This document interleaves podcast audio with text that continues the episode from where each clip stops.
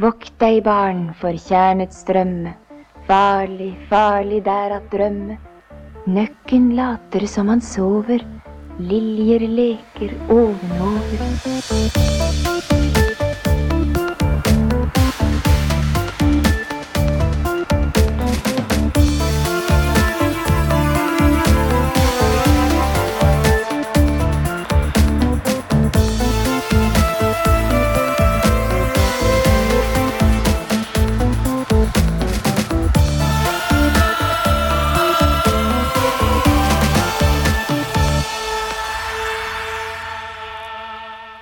Välkomna till ett nytt avsnitt av skräckfilmspodcasten Vacancy. Avsnitt nummer 239. Jag heter Erik Nyström. Och jag heter Magnus Johansson. I det här avsnittet ska vi eh, kretsa kring norska kärnar. Precis som jag utlovade i förra avsnittet. Jag tänker att du kanske vill ha en förklaring till Ja, varför. vad hände? Vad hände här? här fanns inte med i någon pipe eller någon planering eller någon tanke alls. Nej, men Nej. det som hände var att här under sommaren så eh, har jag en kompis som brukar på sitt Instagram dela med sig av vad han, han skriver små bokrecensioner helt enkelt. Dela med sig av vad han läser av. Eh, och jag har ändå eh, en, en viss tilltro till hans eh, boksmak. Helt plötsligt så hade han läst en, en norsk rysare slash deckare från 42 som hette eh, Det dödes kärn. Och han beskrev den kortfattat bara vad den, vad den handlade om. Och han hade tyckt väldigt mycket om boken. Så jag skrev bara, vad, vad fan är det där? Och varför har inte jag, varför har jag, vet jag, känner jag inte till det? Eh, Vilket mynnade ut i en trevlig lunch och eh, att jag fick låna den och eh, läste den mer eller mindre omedelbart på norska dessutom. För den finns inte utgiven på svenska. Men det, det är någonting med Norge. De har något som heter så här bokmål eller vad det heter. Som Mm. är eh, väldigt lättläst egentligen. Det det är inga problem att förstå även om det är ett annat språk. Så jag läste den och eh, blev väldigt förtjust i den här lilla Rysaren. Och det här råkar på något sätt sammanfalla lite grann med att jag återigen, vilket jag- jag och även du i viss mån har varit med om, just den här kärnen som finns bara någon kilometer från där jag bor nu. Om det ens handlar om en kilometer. Som heter Dömanstjärn. Precis. Som ju har funnits där som he hela min uppväxt. Som den här lilla pölen inne i skogen där det har funnits lite olika le legender och sägner om varför den kallas eller heter just Dömanstjärn. Och att den sägs vara bottenlös. Jag var dit i början av sommaren några gånger och bara titta på den. Jävligt myggigt. och man ser inte så mycket. Eh, Men jag hade som fastnat lite grann och, och grävt lite grann i varför den heter som den gör i grupper på Facebook. sånt. Så jag var lite grann i ett så här behagligt dömanskärns mindset igen. Då den här dök upp. Och det visar sig ju även att det finns en filmatisering. Och inte bara en utan två. Av den här norska, li, lite av en halv, inte klassiker kanske. Men en, eh, en från 58. Eh, och en remake eller en nytolkning från 2019. Och jag blev helt besatt vid, vid de här filmatiseringarna. Eftersom jag ändå på något sätt blev så Allting bara sammanföll så bra. Och eh, dessutom visade det sig att den här från 58 är något av- en sån norsk smygklassiker. Däremot. Eh, brukar finnas med på så topplistor över de bästa norska filmerna någonsin. Och Norge har ju ingen jättestolt filmtradition egentligen. Inte på samma sätt som Sverige ändå har det. Nej. Det, det växte sig som bara starkare och starkare under sommaren. Ja, för att komma till avsnittet. Vi ska då alltså prata om den här eh, Det dödes kärn från 1958. Det dödes kärn från 2019. Sen har de lite olika engelska titlar som vi kan roa oss med och prata om mer sen. Och då mindes jag bara ehm, att för 15 plus år sedan så såg du och jag en, en film som hette eh, på svenska Vildmark. Som hörde till den här norska skräckfilmsvågen som kommer där tidigt 2000. Och i, i, i viss mån kanske pågår fortfarande även om nyhetens behag har ebbat ut. Eh, så, så avsnittet består alltså av två versioner av Det dödes kärn och eh, Vildmark eller Villmark från 2003. Ja. Eh, Det blir inte den, den traditionella kronologiska ordningen utan vi börjar, vi, vi avhandlar det dödes kärn först och så får ni se den här Villmark-filmen som, som en liten bonus. Ja, eh, innan, innan eh, så eh, behöver jag öppna min öl här. Ja. Det Du har är- inte bara hällt upp en så här, en, en död kärn som är en JMB med lite akvarievatten. Kunde ha varit. Jag öppnar en Ruby Mild. Deep Red Mild. Står det på den. Deep Red. Precis. En, en halvstor flaska här. Du har ju någon gång klagat på mig för att jag bara promotar fermenteriet Mhm. och all, aldrig nämner eh, det andra bryggeriet här i Skellefteå. Ja. Bryggarbacken eller Skellefteå bryggeri eller vad de heter. Men nu ska jag faktiskt öppna en av dem jag har druckit mest därifrån. Och det är deras Hop On IPA. Mm. Jag brukar alltid dricka den till mat och så. Ja. Eh, vilket jag hade tänkt göra ikväll. Men jag var, kastade om dem. Den här är från Rudgate. Eller Rudgate. Jag vet inte hur man ska säga. Den här var god. Ja, jag vet att den här kommer Ja. vara god. Är... Jag har faktiskt även hällt upp en liten whisky. Nice. Il, i, Illich eller någonting. Iliach. Någon, någon sån där skotsk rök, halvrökig billigare sak. Ja, ska vi hoppa in i, i eh, filmen? Ja, eller vänta, jag kanske kan säga någonting om, om eh, vad jag kände när du eh, tog upp det här. Det är ju Dödmanskärn såklart. Och vi har ju, har ju en viss fascination där. Ja. Därtill och, och eh, den har gett, gett infall till, eller tankar kring att göra någon film om den någon gång och sådär. Så det är roligt att det kommer en, eh, eller fanns eh, filmer som heter liknande. I princip samma sak. Det var det lite grann jag kände att jag snubblade in i ett alternativt universum eller någonting. För det känns som att jag redan borde ha känt till det här. Exakt, exakt. Ja, nej, men då hoppar vi in i filmen från 58. Ja, den är alltså regisserad då för, för, för sakens skull av någon som heter Kåre Bergström. Men manus står ju då eh, André Bjerke, han som har skrev boken från 42. Det som är lite spännande är att han skrev den boken under pseudonymen som, vad ska man säga, författare eller berättarkaraktären i den här filmen och boken heter. Bernard någonting. Borges. Ja, Bernard Borg. Han skrev den under det namnet. Och han är ju även med i den här filmen som skådespelare. Det, han, var inte skådis men han ville väl bara få vara med. Och då kan man ju tänka att han skulle spela den karaktären. Men det gör han inte utan han spelar den här Gabriel Mörk. Eh, och jag kan förstå om du hade svårt att skilja på vem som är vem av dem. Men han är den med, egentligen det mest eh, utseendet som sticker ut mest. Ja. Han som när de ska frakta iväg en kroppa. Ja men jag kan följa med och bära iväg den. Han, eh, det är alltså författaren till, till boken och manus. Ett. Ja, okej. Han var även gift med, med hon som spelar Lilian. Eller han hade barn med Mhm. henne. Kanske där han ville bara vara där och ha koll. Jävla skithög. Den är i alla fall, Ja. nu ser jag här, framröstad som den fjärde bästa norska filmen någonsin. I någon så här st- stor omröstning i Norge sent 90-tal. Mm. Svartvit, jävligt brett format.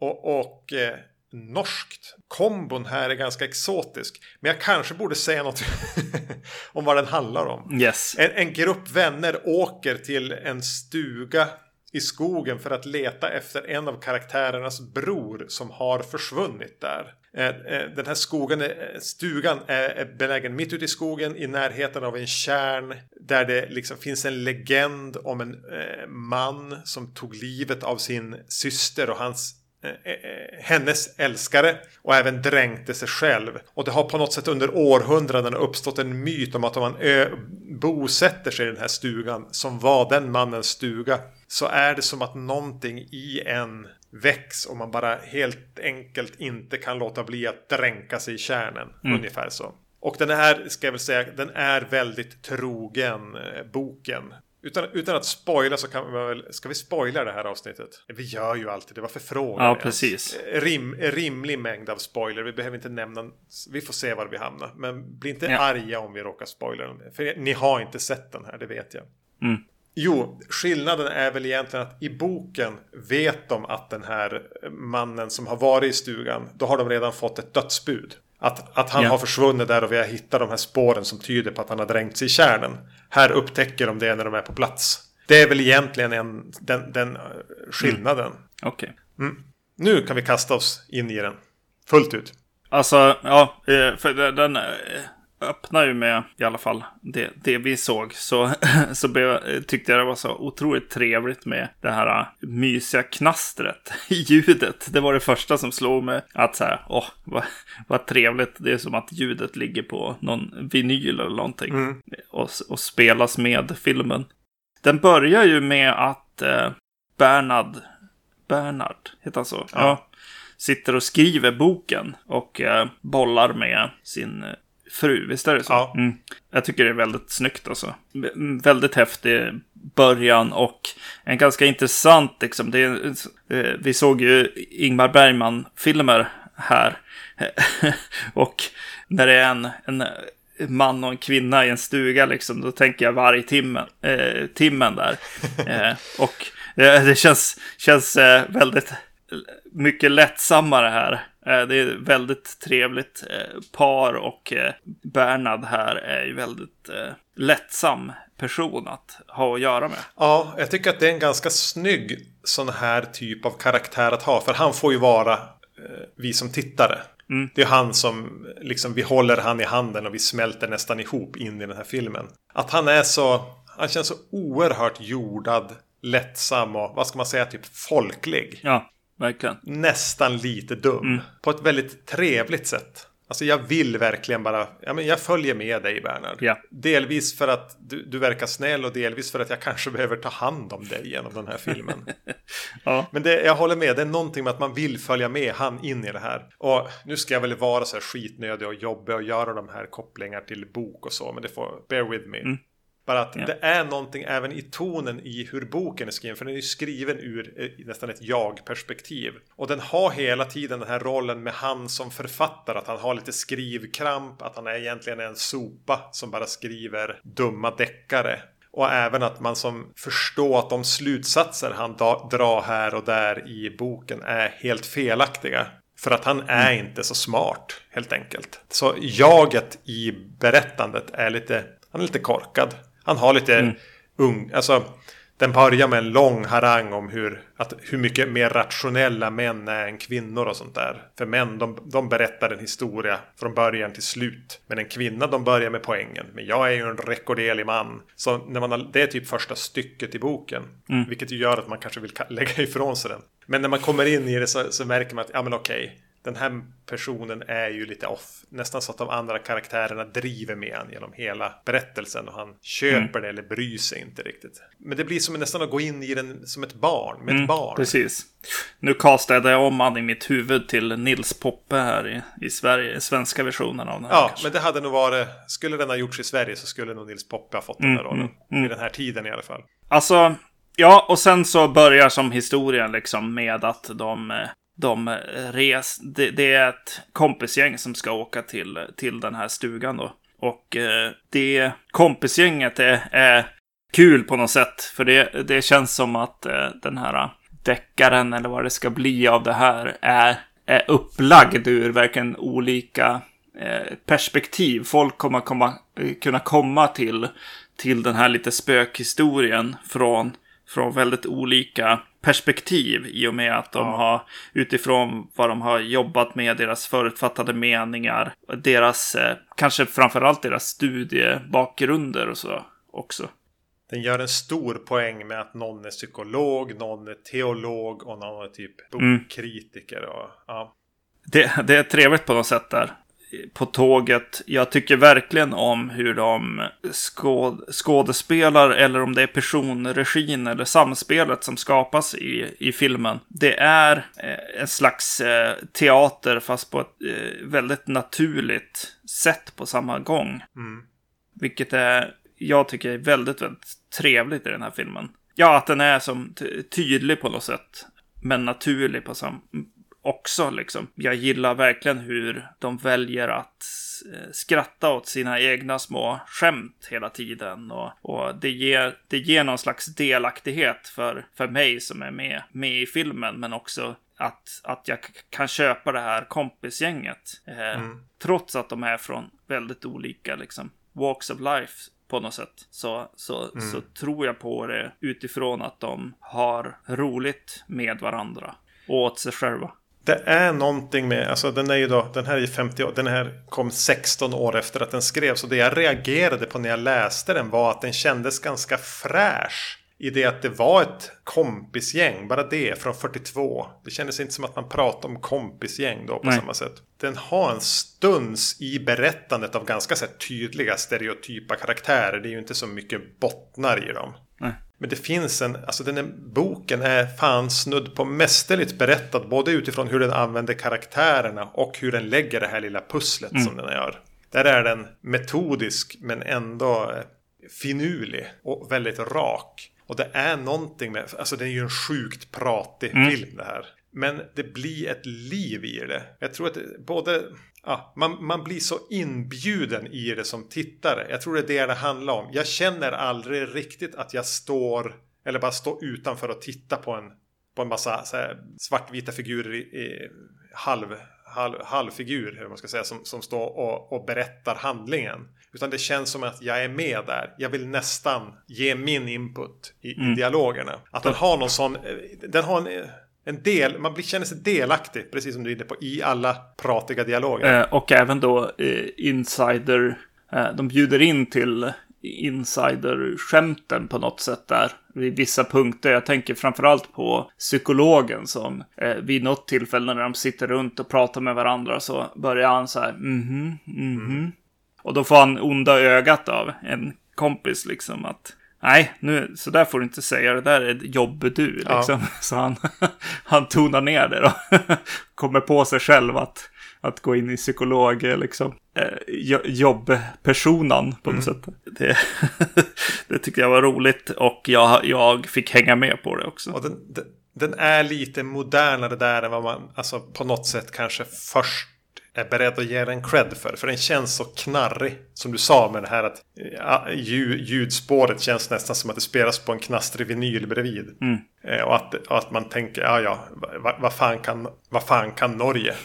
eh, eller så är det bara jag som har en fördomsfull inställning till våra grannars eh, förmåga att berätta med film. Just Men jag tycker hela det här upplägget med, med, med den här ganska tajta gruppen, det här gemytet. Vad är det de säger i Norge? Hygge?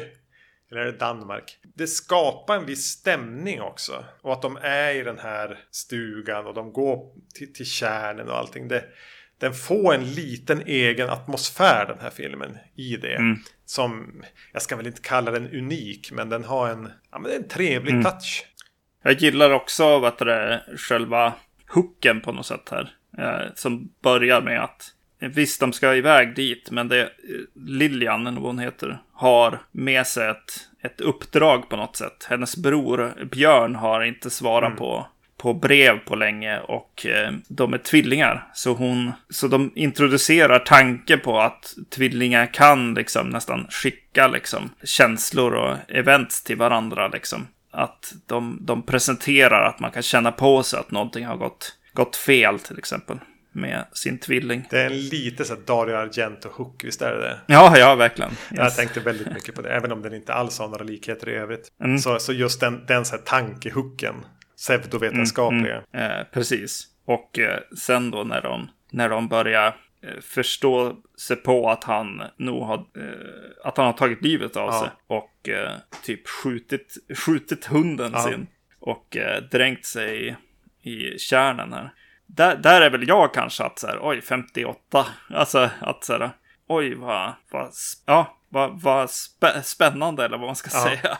Det är kusligt på ett bra, väldigt bra sätt och som även då sätter frågetecken liksom i, i huvudet på en. Jag gillar verkligen Det, det, det jag ganska fort fastnade för när jag läste den och det jag tycker är, finns med ganska tydligt i början av filmen också. Det är ju när de börjar prata om den här legenden. Och framförallt eh, förbannelsen som sägs vila över den här stugan. Att det är inte på det viset att den är hemsökt, att det kommer upp någon ur, ur, ur jorden och, och, och dräper dig eller någonting. Utan att det den gör är att den förändrar dig. Besattheten, förbannelsen på något sätt av att vistas i det här huset gör att du blir förändrad och till slut dränker dig. Det kändes också ganska som ett ja, men, fräscht grepp på ett sätt. Jag tänkte lite på, på jag menar, alltså, japansk skräck här. Alltså som mm. en mix nästan av Ringu och eh, eh, The Grudge på något sätt. Att det är en ond plats och det som händer är att du drivs till att ta livet av det. Det är väl någon annan, mm. vad är det, Mirrors eller någon där, där det blir så. Alltså att den har lite e ekon. De har ekon från den här filmen, kanske snarare. Och mm. idéer som finns här. Jag gillar ju hur karaktärerna också hela tiden kommenterar det och har egna teorier och sånt. Det bjuder ju som sagt än, än en gång in till spekulation från ens egen håll. Och så sen lägger de ju en massa eh, red herrings överallt liksom. Man får ju se alla alternativ ja. utspela sig. Så det, det är ju okej okay att tro vad du vill liksom på något sätt. För att då inte nämna att han faktiskt sitter och skriver den här historien eh, berättelsen mm. också. Mm. Någonstans. Som en till liksom, eh, hook som man kan, kan fundera kring det. Mm. Jag fick ta paus, jag hade tvätttid eller vad det var och bara, eh, ja, när jag, när jag hade sett typ 20 minuter så behövde jag gå och ta hand om den. Och jag, jag, jag, bara, eh, jag bara längtade tillbaks till filmen. Kan jag mm. säga. Jag tyckte att den här eh, startar klockrent och håller en fast I alla fall ja. mig. Eh, fast genom, genom eh, hela filmen egentligen. Jag tycker att den var jättespännande, jättehäftigt berättad.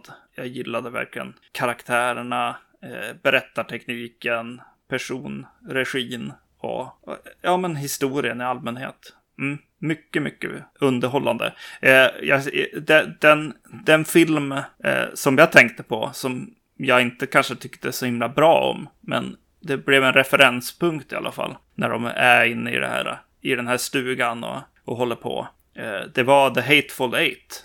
ja, stugan kanske påminner lite grann om den. Ja, men också det här eh, jobb, injobbade liksom, karaktärer som inte bara är människor utan idéer i sig också. På ja, just sätt. det. Eh, så att, ja, men jag hade ju definitivt roligare med den här filmen. Ja, den är ju typ Hateful Eight är ju tio gånger så lång. Framförallt. Ja, jo, jo, det Den här är ju bara styvt 70 minuter. Ja, nej, men jag, jag håller med. Den här var, den var betydligt mer spännande än vad jag egentligen hade vågat tro. Jag tänkte att jag skulle behöva mm. sitta och ha överseende med den i ganska stor utsträckning. Men eh, den är ju som, som sagt var spännande och intressant och ja, den är jävligt pratig på sina på sina stunder. Eller genom hela.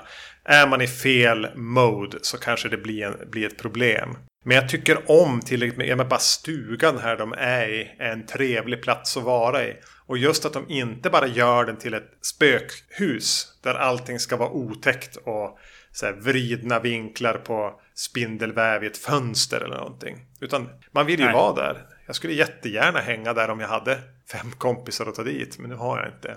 Men det är en bra plats. Och trevlig att vara i. Ja. Och så samtidigt den här vetskapen om att men är det kanske en ond plats? Mm. Eh, jo, men jag, jag, där du sa med att man vill ju vara där. På, på, på ett sätt så kände jag också att jag var det ibland. Mm. Alltså just den här dialogen som de har liksom. När två, två personer kanske samlas och, och dricker något och funderar kring vad som pågår liksom. Den här psykologen och eh, författaren till exempel. Den somna under och dröm. Man tror att det är typ en visualisering men det kanske eventuellt även är en mardröm. Mm. Ja. Där är, är, jag den tredje personen nästan. Mm. Eh, det är det jag tänkte också. Jag, jag, tänkte på den som så här. Ja, men det är ju lite teater, men den är ju väldigt nära liksom. Det är inte som att titta på, sitta i publiken och titta på en scen, på en scen utan jag, jag, jag får ju kliva upp på scenen och gå omkring och titta i lådan som han drar upp ut grejerna ja. ur liksom. Det är mer, mer den typen av, av interaktiv teater då i så fall. Sen är det ju det här med kärn. Alltså en kärn i skogen är en Ja, det är en jävligt bra idé. Ja, och det är ju viktigt för den här filmen att, att det känns eh, äkta ja, också. Vilket det verkligen. gör när man, när man springer, springer runt. Och eh, huset kanske inte ligger vid den där kärnan egentligen, men jag känner att den gör mm. det. Det, det, är ett hus. Eh, jag kan gå inifrån, ut och till kärnan. Och jag vet inte, det kanske är klippteknik, men, men det känns verkligen som som en plats. Ja, och att just det, det otäcka med hur det här, den här kärlen är som det här både vackra och lite skrämmande. Både liksom de näckrosorna och liksom att det är så stillastående vatten. Kanske hur djupt som helst och lite snårigt. Och att det egentligen inte finns någon strand. Utan att det är som skog, skog, Mm. skog, skog. Lite gräs, vatten. Det har Mm. någonting speciellt över sig. Jo, det är inte konstigt man, i, en, i en sån här att man börjar tänka att de är bottenlösa, precis som Dödmans då där i Skellefteå. Och det kommer ju tillbaks här också. Referensen till att det ryktas om att den är bottenlös liksom. Och, och, och har en, en sån här, någon slags sugström i sig. Liksom. Ja. Eh, Dragsug, säger de. Jo, trevligt ord på, alltså, trevligt norskt ord. Undertow är det översatt i den här Just textningen. Ja. Den är ju tyvärr jävligt knepig att få tag i. ja, precis. Den här måste ju släppas eh, på bra, bra ställen liksom. Njuta. Eh, Till exempel, ja. Hör, hör ni oss? Exakt. Eh, ja, jo precis. Man kanske får kolla på no norska sidor och se om man kan få tag i den. Ja. För det, det är ju synd, för den här är ju värd en bredare distribution. Ja, och, sätt. och jag känner ju att den är en sån där som jag kan ställa i hyllan. Jag pratade för några avsnitt sen om eh, The Girl Who Knew Too Much. Och det är väl, det här kan definitivt bli en sån där som jag skulle ta fram lite då och då. Ja. Eh, Kort, trevlig film liksom. Ja, nej, eh, mycket bra. Jag blev väldigt nöjd att du eh, snubblade på det här. Ja, det var trevligt. Väldigt, Yes. väldigt. Den på något sätt fångar boken på ett bra sätt. Alltså det, det är klart det är skillnader och så, men det, den här är, är så trogen sin förlaga, mycket tack vare att det kanske är författaren, att den pusselbitar finns med i filmen som förklaras väldigt tydligt i boken vilken plats de har. Men det hinner de inte med. För den är så, den är så mån om att vara tajt och spännande också. Mm. Jag vet inte om du tänkte, om jag får ta ett exempel på det som jag kom på på rak arm innan vi, innan vi går vidare. Ja. Så, de, de är ju på någon sk- skogsexpedition och hittar någon så lite mindre så övernattningskoja. Och då plockar de bara upp en så här trästam och tittar på. Ja men här har ju någon varit, kolla det är ju sågat i den här. Och så släppte de ner den och går vidare. Eh, för de hör något utanför. Men, men eh, så den här grenen de tar upp och konstaterar att det är sågat i. Som det är bortsågat. Där har ju någon sågat bort en träbit för att använda som fejkat träben. Ja, just det. Alltså att det finns sådana detaljer som den här filmen är för, den är för, den är för mån om att vara en tight film för att riktigt skörda allt den sår. Och det gör ju som bara att den växer eh, och gör att den blir rolig att se när man har läst boken. Eller till och med tvärtom. Att har man sett filmen så kan det vara kul att läsa boken. För den, den flashar ut en hel del. Ja.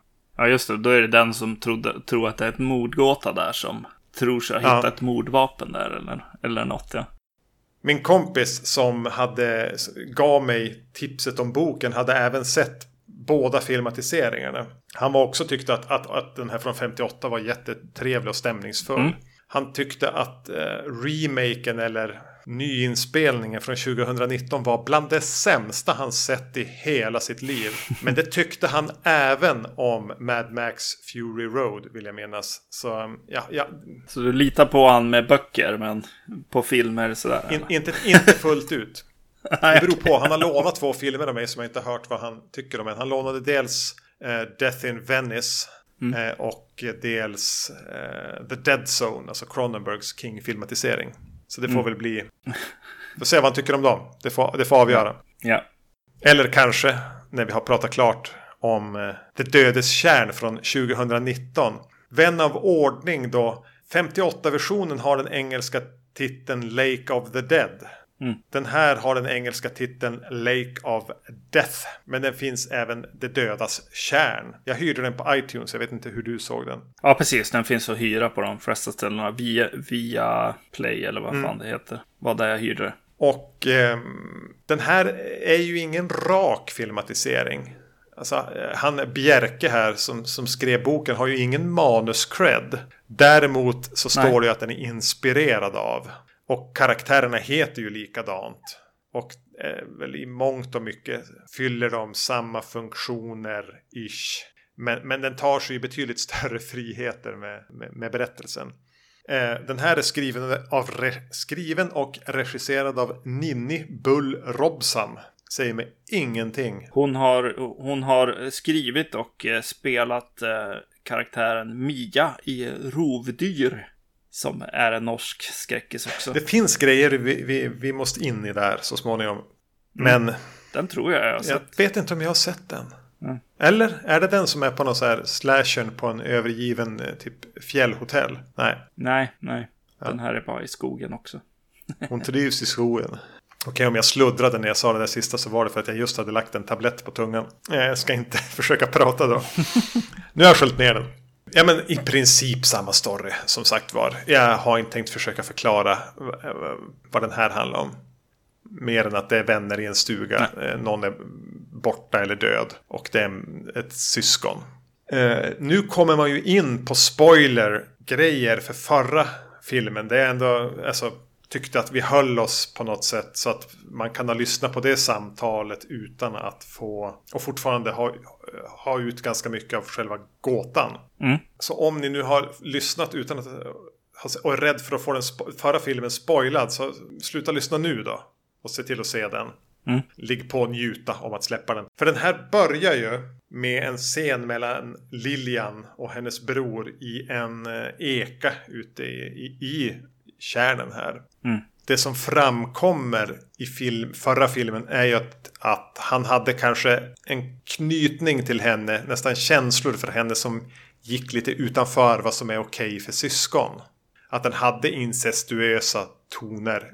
Och här får vi det bara BAM! För det, det som händer i, i, i 58-versionen är ju att det lite grann presenteras, och det gör det i boken också, som twisten i Psycho. Mm. Att oj, han klär ut sig till kvinna och hem, alltså klär ut sig till sin mamma. Att den är så inne i så här typiska freudianska idéer. Ja. Som kan vara lite chockerande om man sätter det i, en viss kontext på film. Så den har, det finns ju lite kopplingar där. Men här, Mm. direkt från början. Jättecreepy snubbe i, i, i en båt med en tjej. Som visar sig vara hans syster. Och han är jätte... Så här, ja, det bara osar liksom ett övergrepp. Allting. Ja. Så, så glöm den där subtil, subtiliteten eller överraskningen. Ja. Och en, en, en, en liten punkt bara. Det här är alltså inte en norsk film bara. Utan här, har det, är det svenska, norska och danska skådespelare. Som Ja. liksom står bräker till varandra. Eh, förstår någon vad någon säger här? Jag var tacksam för textningen i alla fall. Ja, ja. Jo, jag trodde det hade hänt saker på... eh, Ett tag så tänkte jag att det hade gått så, eh, hänt saker på de här åren. Och det hade blivit någon slags eh, språkförbrist, eh, Ja, skandinaviska, ja de har som bara smält ihop. Eller vad är svenska? Vad är, vad, allting är så jävla postmodernt. Exakt. Men yes. Jag kunde sortera in dem sen. Efter en stund. Jo, jag lyckades också efter ett tag. Yes. Jo, jo, precis. De, de sitter där i ekan och Björn ger henne ett sådär locket, eller vad det heter på svenska, med, med deras bilder i ett halsband. Så. Ja, har, har du och din syster ett sånt? Eller? nej, nej, nej. Inte jag. det- heller. Nej, precis. Eh, och eh, Lilian ska eh, lämna sin bror så att säga. Och åka med sin pojkvän Kai till något ställe. Jag ska väl säga redan här att jag fick inte ihop riktigt vad som Nej, har hänt. nej, för sen är det ett år senare. Ja, för sen hoppar vi ett år senare och det är då han är typ död. Ja. Och de åker dit för det, kärnen där de var ute vid var typ ett släktställe. Mm. Men de har vuxit upp utan föräldrar på typ barnhem och i fosterhem och liknande. Får man som förklarat för sig. Och hon eh, åker tillbaka då här. Är du redan inne på andra ölen? Nej, nej, nej. Fan, jag har för lite öl. Ja. Eh, ett år senare, hon ska sälja det här stället då. Det är därför de åker dit, typ. Men man förstår inte riktigt vad de ska Nej, göra precis. där. Är det som ett kompisgäng som ska stötta henne i det här på något sätt. Det, är känns väldigt eh, modernt, tråkigt. Eh, det känns som att det, det här manuset är li, lite för cookie cutter. här lite grann. För jag förstår aldrig var de ska dit. Ja, ja, och nu åker du hit för att sälja det. Ja, men det är ju inte så att de har någon mål med att vara där. De ska vara där i tre dagar. Men det är inte så att de Ja. ska tömma det eller fixa upp någonting eller träffa en mäklare eller visa det för spekulanter. Eller så missar jag bara det. Men den som då hämtar dem vid någon tågräls där och kör ut dem till det här. Det är han Kai som hon Ja. stack med för ett år sedan. Men vi får aldrig riktigt veta vad som har hänt för han lämnar dem bara. Sen kör han därifrån. Ja. Ja, vad har hänt där? Ja, det är tydligen inte intressant. Nej. Men sen verkar hon även ha en relation med den här psykologkaraktären. Men även den verkar ju som vara avbruten. Eller? Jag förstod aldrig riktigt liksom vad, var- vart, vart stack hon med den här Kai? Och från Ja. vad? Och var försvann han? Och vilken, varför är han där och skjutsar dem? Mm. Eh, och vilk, vad, vad spelar då den här nya eventuella före detta pojkvännen för roll? Så det där blev väldigt grumligt för Mm. Ja, mig. det blev det för mig också. Ja men vad skönt, det var, det var, det var bara uselt berättande. ja, det var det. och hon har någon, någon kyss med Kai, någon slags eh, farväl eller någonting där senare också. Eh, och så sen är hon tillbaks med sin nuvarande kille och ja, jag vet inte vad som händer riktigt. Eh, jag vet inte, det kanske var, var komplext det här med björnen då. är det han som hon egentligen vill ha? Oklart. Ja, Nej men alltså den är ju, den är ju full av irriterande karaktärer. ja, Jag har svårt att... att Okej, vi börjar så här. Vilken av karaktärerna är minst irriterande? Är det den andra kvinnan kanske? ja, det skulle jag nog säga också. För hon Lilian är ju värst. Hon är fruktansvärd. Alltså jag, jag blir så less på att eh, den här filmen är så intresserad av att visa hon går omkring hela tiden. För jag är så trött på henne efter tio minuter. Mm. Och hon har hela tiden auran. Det är som att hon går omkring och är gravid också. Jag vet inte om det har med de här konstiga Jaha. klänningarna hon har. Nattlinne går ju typ runt hela tiden. Och så är det som att hon alltid lägger händerna så här över magen. Bara, Men du är inte gravid. Du är bara här och playar en massa snubbar. Eh, Är sur och svår och har irriterande mardrömmar. Men gå, far och ligg med din brorsa Ja. om det är det du vill. Ah, fy och, och, och podcast, alltså han som fick ersätta den här som vi pratade om, Nils Poppe-karaktären, är ju då ersatt av en Ja. fryntlig norrman som har en podcast om det paranormala. Han vill jag ju också kväva med en kudde ganska snabbt. Och fy. ja. Eh, nästan så att han som är näst minst irriterande är han som presenteras som den irriterande. Alltså han som har fått något skrivet i pannan med tusch av någon jävla anledning som vi aldrig får förklarat. Han ska ju presenteras som den störiga killen. Men kanske Ja. är han den som får mest liv därför. ja, precis. Åh, fy. Fy, fy, fy, fy, fy. Alltså, jag har sällan varit, alltså jag har tagit mig igenom många så här lågbudget slasher-filmer som inte har brytt sig om att skriva sina karaktärer. Men jag tror aldrig jag har stört mig på så många, alltså bara haft så fruktansvärt jobbigt med alla karaktärer i en film som här. Men du kanske tyckte om dem, du kanske ville hoppa in här också. Precis. Nej, jag gillar inte karaktärerna. Jag ser en... Jag har mer saker jag inte gillar. Som jag kan... Vi fortsätter. Vi fortsätter där. Eh, vi- mot, mot då en... Jag har just sett en film liksom, den förra, förra här, som verkligen kändes som de var på en, en plats. Den här har ju, den här har stora problem med det.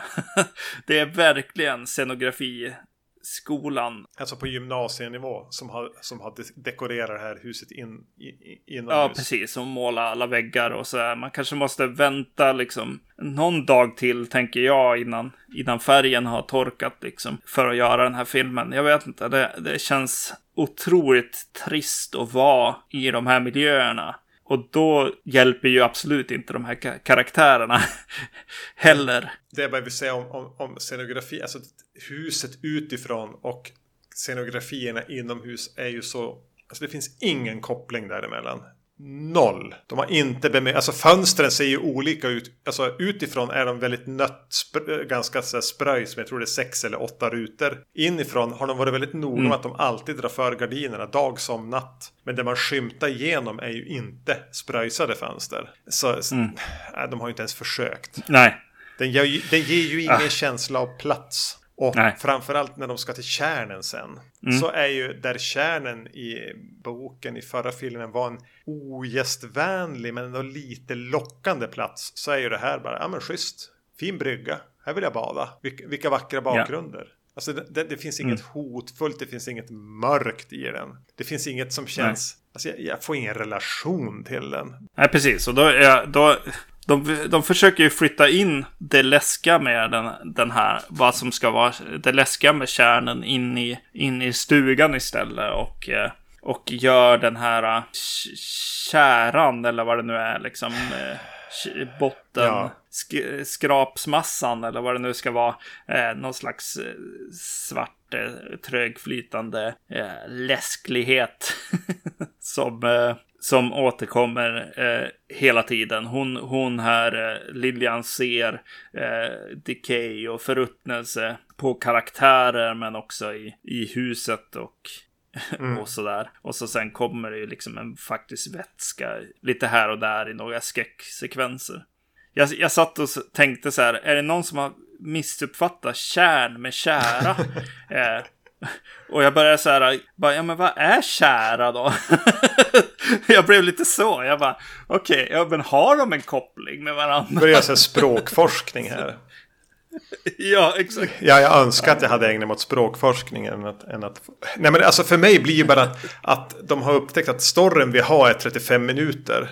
Eh, vi måste fylla ut det här med klichétyngd jag säger, 2014-skräck. Eh, så det blir mycket så här att hon i något drömskt tillstånd ser någon karaktär med typ kära i ögonen. Eller hon somnar, vilket hon gör hela tiden. Jag önskar att hon bara hade kunnat somna och sova.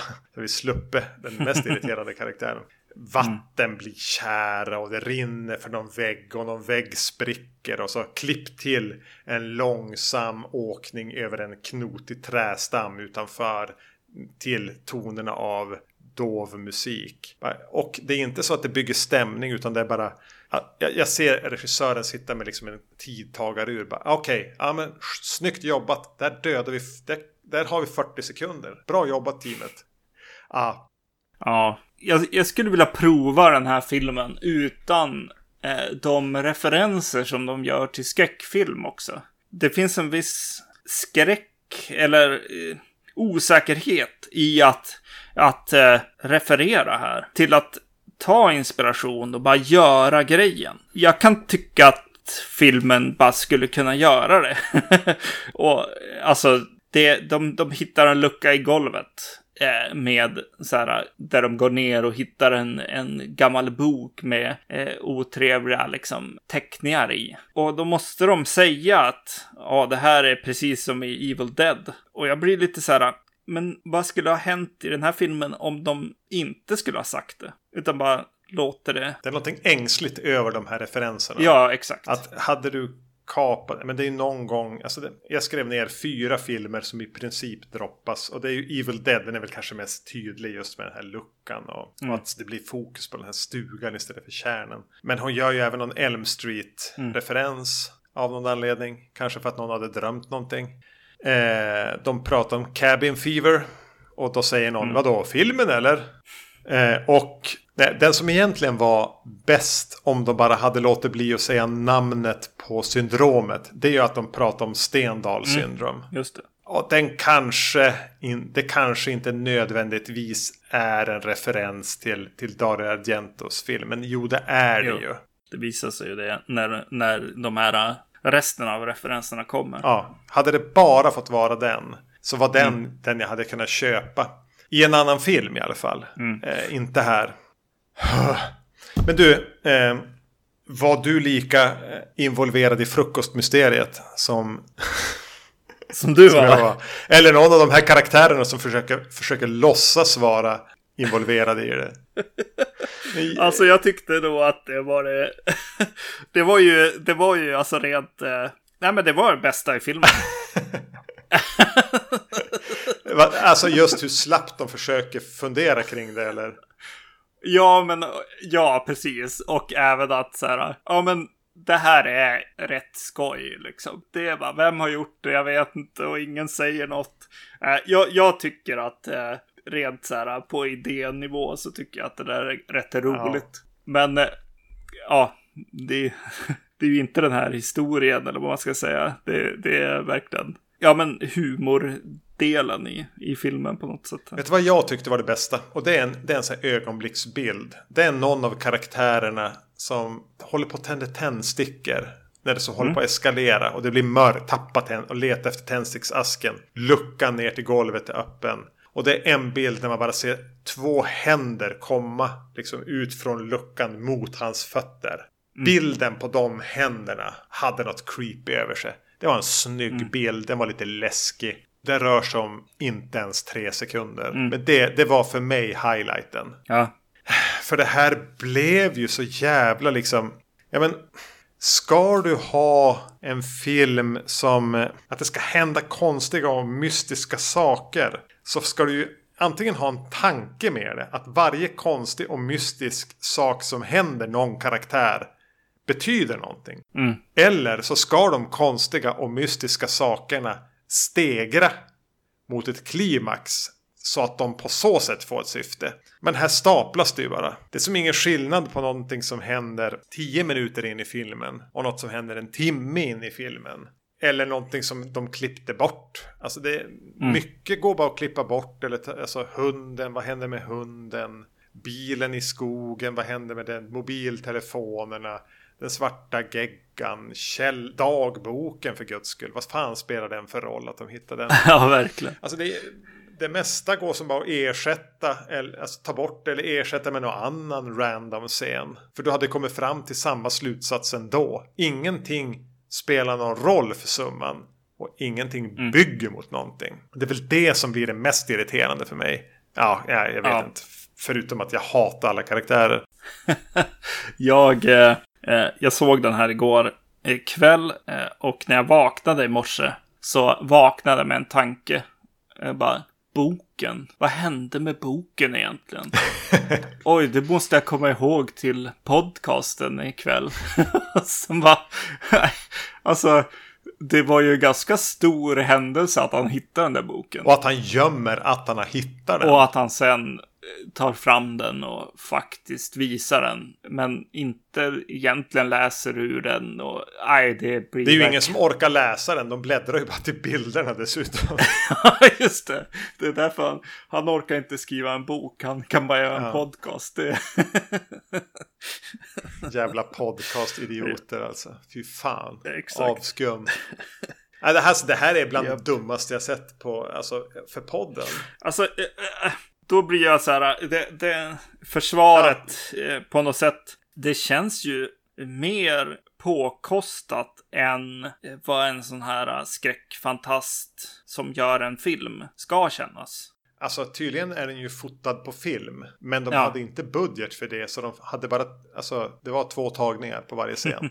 Vilket väl kanske kan rädda skinnet på en del av skådespelarna. Men ja, den har ju någonting lite, lite större över sig. Alltså en liten... Ja, precis. Och jag, jag tänkte, jag satt nämligen och började så här tänka på, på klippning och rörelser och liksom 180 graders regeln och alltså det, det, det finns något slags kompetens här. Det är kompetent på något De kan vis. 180 graders regeln.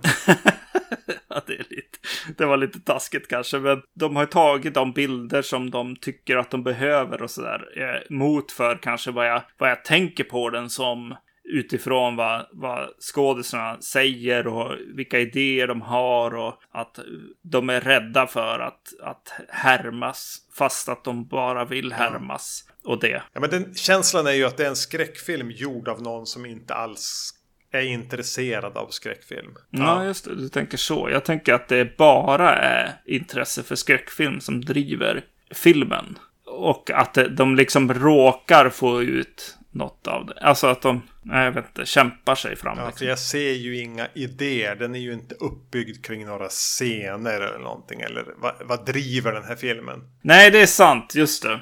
Den är analytisk nästan, ja. På det sättet, ja. Att så här, ja, vad, vad, vad brukar det finnas här? Vad, vad, vad kan man göra? Ja, vi tar läskig, läskig olja kommer upp ur, ur eh, handfatet, liksom. Jag tänker mig att det är någon som har velat göra den, den här, vad hon nu het, hette Bull någonting. Robsam. Alltså att hon har velat kunna visa att hon minsann kan göra en lågbudget skräckfilm som ser bra ut på kort Mm. tid. För att kunna få gå vidare till e- alltså projekt hon verkligen vill Mm. göra. Eh, förmodligen är det inte så. Men det är känslan. För jag känner inte av hjärtat här. Nej, nej. Jag känner ingenting förutom irritation. ja, ja. nej, det, det här är inte bra alltså. Det, hyr inte den filmen. Nej, Ja, ska vi gå till våran bonusrulle då istället? exakt nu. Eller vad man ska säga. Encore här. Nu har ni ropat in oss. Vi motvilligt släntrar ut på scen igen. Ja. För, för att prata om vildmark eller vildmark. Den har någon engelsk, så här Dark Forest eller Dark Woods heter den på engelska. Från 2003. Och nu eh, hoppar jag tillbaka till den här jättetråkiga meningslösa anekdoten jag var inne på i början. Nej men att eh, jag minns var jag bodde, alltså i lägenheten som var inne i stan, den li- lilla ettan. Alltså ett stenkast från hyrbutiken. Och vi skulle typ ses och då hade du gått förbi och då hade du hyrt typ två filmer och det här var en av dem. Bara, ja men jag hyrde en norsk skräckfilm om någon kärn, att de typ har förargat. Alltså baksidetexten var lite som att det var kärnens vrede som väcktes av de här som var där. Och den slu- skogen sluter sig kring dem. Eh, Bla bla. Det jag mindes från den titeln var inte mycket mer än ett tält vid en kärn. Och att vi satt och tittade på eh, deleted scenes i slutet. Gjorde du det nu? Nej. Men då får jag fylla i det. Då får jag fylla i det. Ja. Men det här är alltså då en ehm, norsk film kring en kärn. Är regisserad av Paul Öje. Gissar jag lite grann uttalet. Manus Kristoffer Gröndal. Han har gjort Paul Öje här en Vildmark 2. Som verkar vara rel- rätt. Alltså det verkar ha dröjt några år. Om den är från 15 eller något sånt där. Och den har ingenting med en kärn att göra eller en vildmark att göra. Utan den handlar om typ fem personer som ska in och typ asbestsanera någonting innan de får riva det om det är ett gammalt psyke. Vilket för mig låter exakt som Session 9. Exakt, ja. Så eh, kommer på Vacancy inom Vildmark 2. Ja, Vildmark 2 och Session 9. Nåja, det här är Ja. en te- teambuilding. Sånt gillar väl du som jobbar inom privata sektorn och har små enheter. Precis, precis. Hade ni kunnat göra det här? Nej. Nej, inte det här. Nej, nej, nej. För här ska de göra typ en dokusåpa eller någonting. Det är typ, alltså de är, vad är de, fem pers, pers typ. Och, och produ- producenten bara, men vi ska ut till en stuga i skogen och komma nära varann. För vi vill göra rå, äkta dokusåpa här, typ. Det verkar som att de inte är ensamma i den där stugan vid kärnen. Och det bara händer mystiska saker. Det är väl typ premissen. Ja. Så du skulle inte ta med ditt, ditt team till, eh, till Dömans kärn? Hade du kunnat komma hem till mig i och för sig? Ja, precis. Gör man sånt här i så här små eh, media, företagarbranschen? Ja, nej, inte sånt här. Inte när man ska in och, och, eh, och överleva någonting tillsammans i princip. är väl det han har tänkt här, den här lite äldre karln som tar med eh, ett ungt eh, filmteam eller tv, tv-produktionsteam ut i skogen för att eh, liksom göra dem till en solid grupp liksom genom trauman tillsammans. Nej. Det är inte så du jobbar. Nej, men, men det är väl eh, också tanken här. Eh, alltså, han har ju med sig en, eh, en av de här eh, yngre eh, stjärnskotten har ju jobbat med honom ett tag. Det som spelas av Eva Röse. Precis, exakt. Eh, så hon, hon får ju vara den som berättar för oss att han gör att han kanske är lite tokigare än vanligt. Helt enkelt. Ja. Det är inte hans, hans normala state som han är inne i när han tar eh, alla hit för att dra upp en sten för en kulle och sen putta ner den igen och sen eh, i princip. Kom du ihåg någonting av eh, vad vi kände när vi såg den första gången? Eh, men som jag sa bara att, att så här, bara, ja, men, vi såg ett alternativt slut som finns med på den här DVDn. Och tänkte, ja men det där hade ju poänger. Annars det jag minns var det här tältet nere vid kärnen. Sen minns jag ingenting. Kanske in, det var inte så att jag minns att vi var helt lyriska. Definitivt inte. Nej. Nej. Eh, precis. Eh, tältet vid, vid, vid kärnan här är ju en god idé tycker jag. Eh, I filmen. Eh, som, som skapar intresse. Ja. Helt klart det. De eh, går ju dit och eh, hittar ett... Några av dem går dit och hittar ett eh, lik i vattnet. Eh, där bredvid. Men redan innan det så får man ju en känsla av att det här tältet. Eller tältet är ju övergivet liksom. de konstaterar att det är så här en månad sedan och ingen lämnar ju ett tält. Och det är någonting med det här tältet, uppslaget vid den här karga, ja, men som jag pratade om, det är som ingen strand i en kärn. Utan den, det är ju som bara, ja men här slutade träden och så börjar vattnet och däremellan kan det vara liksom trädfri zon. Är det inte i Norge som han, eh, i Norge han åker till? Eller är det i Norge? Alltså Thomas Quick.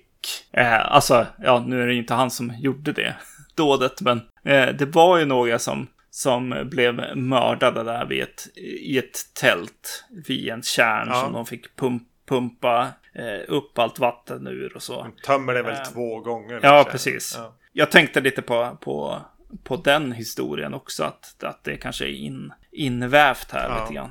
Eh, fått, fått ett stoff liksom någonstans ifrån. Att man tar med sig det in gör väl det kanske lite mer, ännu lite mer spännande på något Mm. sätt med det här övergivna tältet. Eh, jag tycker det är en god idé, Ja. he- helt enkelt. Det, det är någonting med det där att hitta det övergivna tältet vid kärnen som är och så sen då hittar de den här. Alltså de börjar dra i ett rep som går ut i kärnan. Det är väl ett nät eller någonting. Och där sitter det fast en död kvinna. Mm. Och eh, den här galne teambuilder-mannen säger bara ja ja. Vi gör våran teambuilding klart. Sen kontaktar vi myndigheterna. Så de gör liksom en shortcuts i den filmen när de är och fiska och hittar en kvinna död i en flod. Och bara, det gör ingen skillnad för henne om vi fiskar klart den här helgen och sen kontaktar myndigheterna. Det var det enda jag kunde tänka på. Ja, Men i den här filmen så vill de väl på något sätt kanske plantera frön av att, men vänta nu, har han någonting med det här att göra? Har han tagit hit dem av en anledning? Vad är hans koppling till den här platsen? För det är ju hans stuga. Vad vet han om det här? ja verkligen.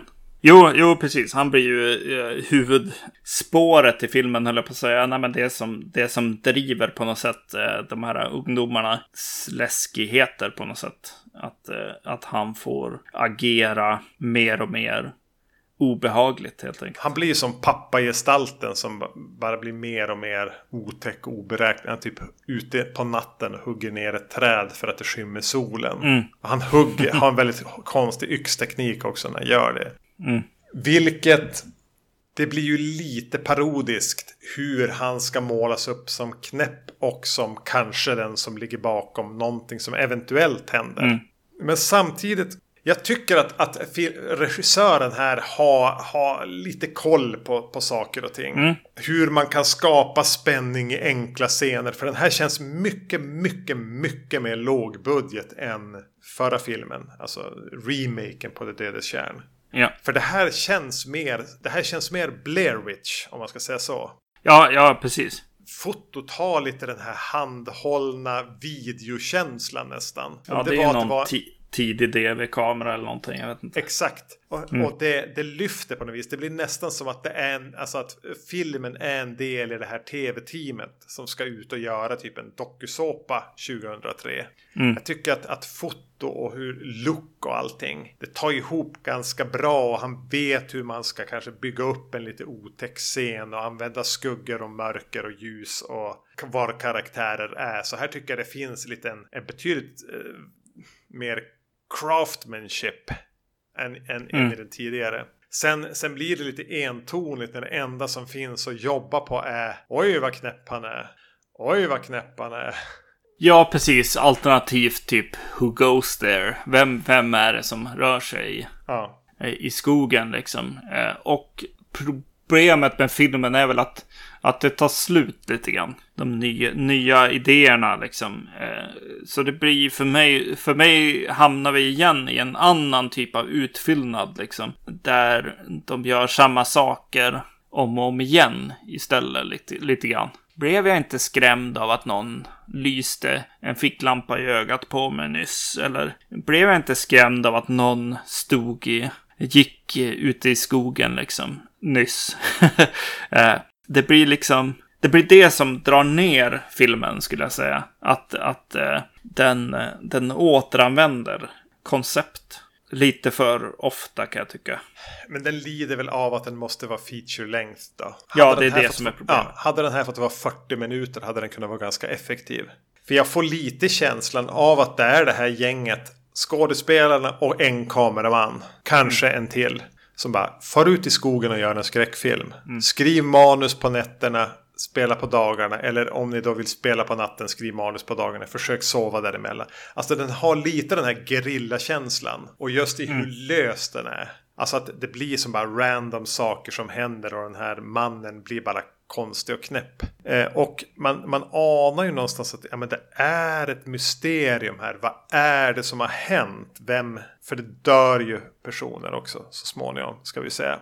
Och jag känner ändå en så här viss, alltså jag känner mig lite oviss hela tiden. Just eftersom jag inte riktigt litar på filmskaparna att de inte ska fuska med var karaktärer är i förhållande till varann. Vem gick ut då eller vem var någon helt annanstans. Jag tänker att de bara skiter i det. Så jag tänker, för jag mindes inte hur det hängde ihop. Jag mindes absolut inte hur det hängde ihop. Nej. Så jag var ändå i ett behagligt tillstånd av ovisshet hela tiden. Eh, men det är ju det att, att det får hålla på för länge. Ja. För jag tycker att, att det är ganska schysst att vara i den där, i, i, i det här. Där de, där de är med dem. Jag tycker skådisarna är bra här. Mm. Regin är rätt bra. Problemet är att de hade dubbelt så mycket tid att fylla ut. Mot för vad de egentligen hade Mm. komma med. Precis, jo men det, det är där den får problem på ett sätt. Genom att så här, jo men alltså som den här glada amatörfilmen, vi, vi gör det här. Då är den ju riktigt, riktigt bra. Ja. Och samtidigt så bara, men är den det? Va, vad gör Eva Röse där?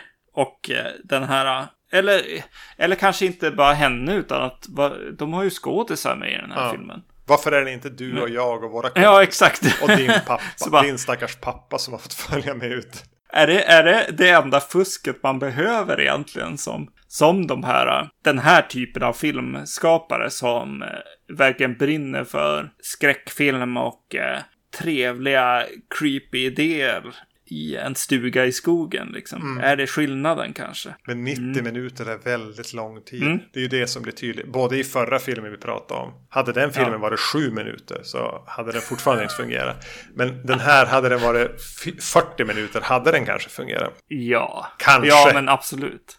Mm. Jag såg den här före eh, Det dödes kärn. Den från, från 2019. Och när jag såg den nu så, så blev jag så här bara, men den är för lång, det är för, eh, det är för upprepande, jag vet redan på något sätt. Eller jag vet ju inte vad grejen är, men jag vet åtminstone vart den där karaktären står och vart den där står. Liksom, jag behöver inte mer kött på benen där. Så jag blev ju lite så här, lite less på den här filmen, men, men eh, Det dödes kärn från 2019 eh, hjälper ju den här en hel del. Ja, gud ja. Ja, Det ska säga, jag tyckte också bara att haka på i spänningen som kan uppstå i vissa scener. Sen blir det lite väl många sådana scener som är likadana här. Mm. Men samtidigt så ska jag säga att jag har nog sett det, det är få filmer som jag har sett ha ett sånt fullständigt jävla haveri till slut som Mm. den här. Det blir ett klimax, det dyker upp någon, någon, någon dör och vi förflyttas liksom till en till någon slags trygghet. Eh, och, och de försöker sig på en liten knorr. Ja. Och den tillför. Alltså förklara för mig vad den tillför. Det som visar sig att det har funnits en till person där ute i skogen som har förlorat förståndet efter att hans fru drunknade i kärnen. Och, och, och, och bara bli, gå bärsärkagång. Iförd en röd klänning, vilket ju är trevligt.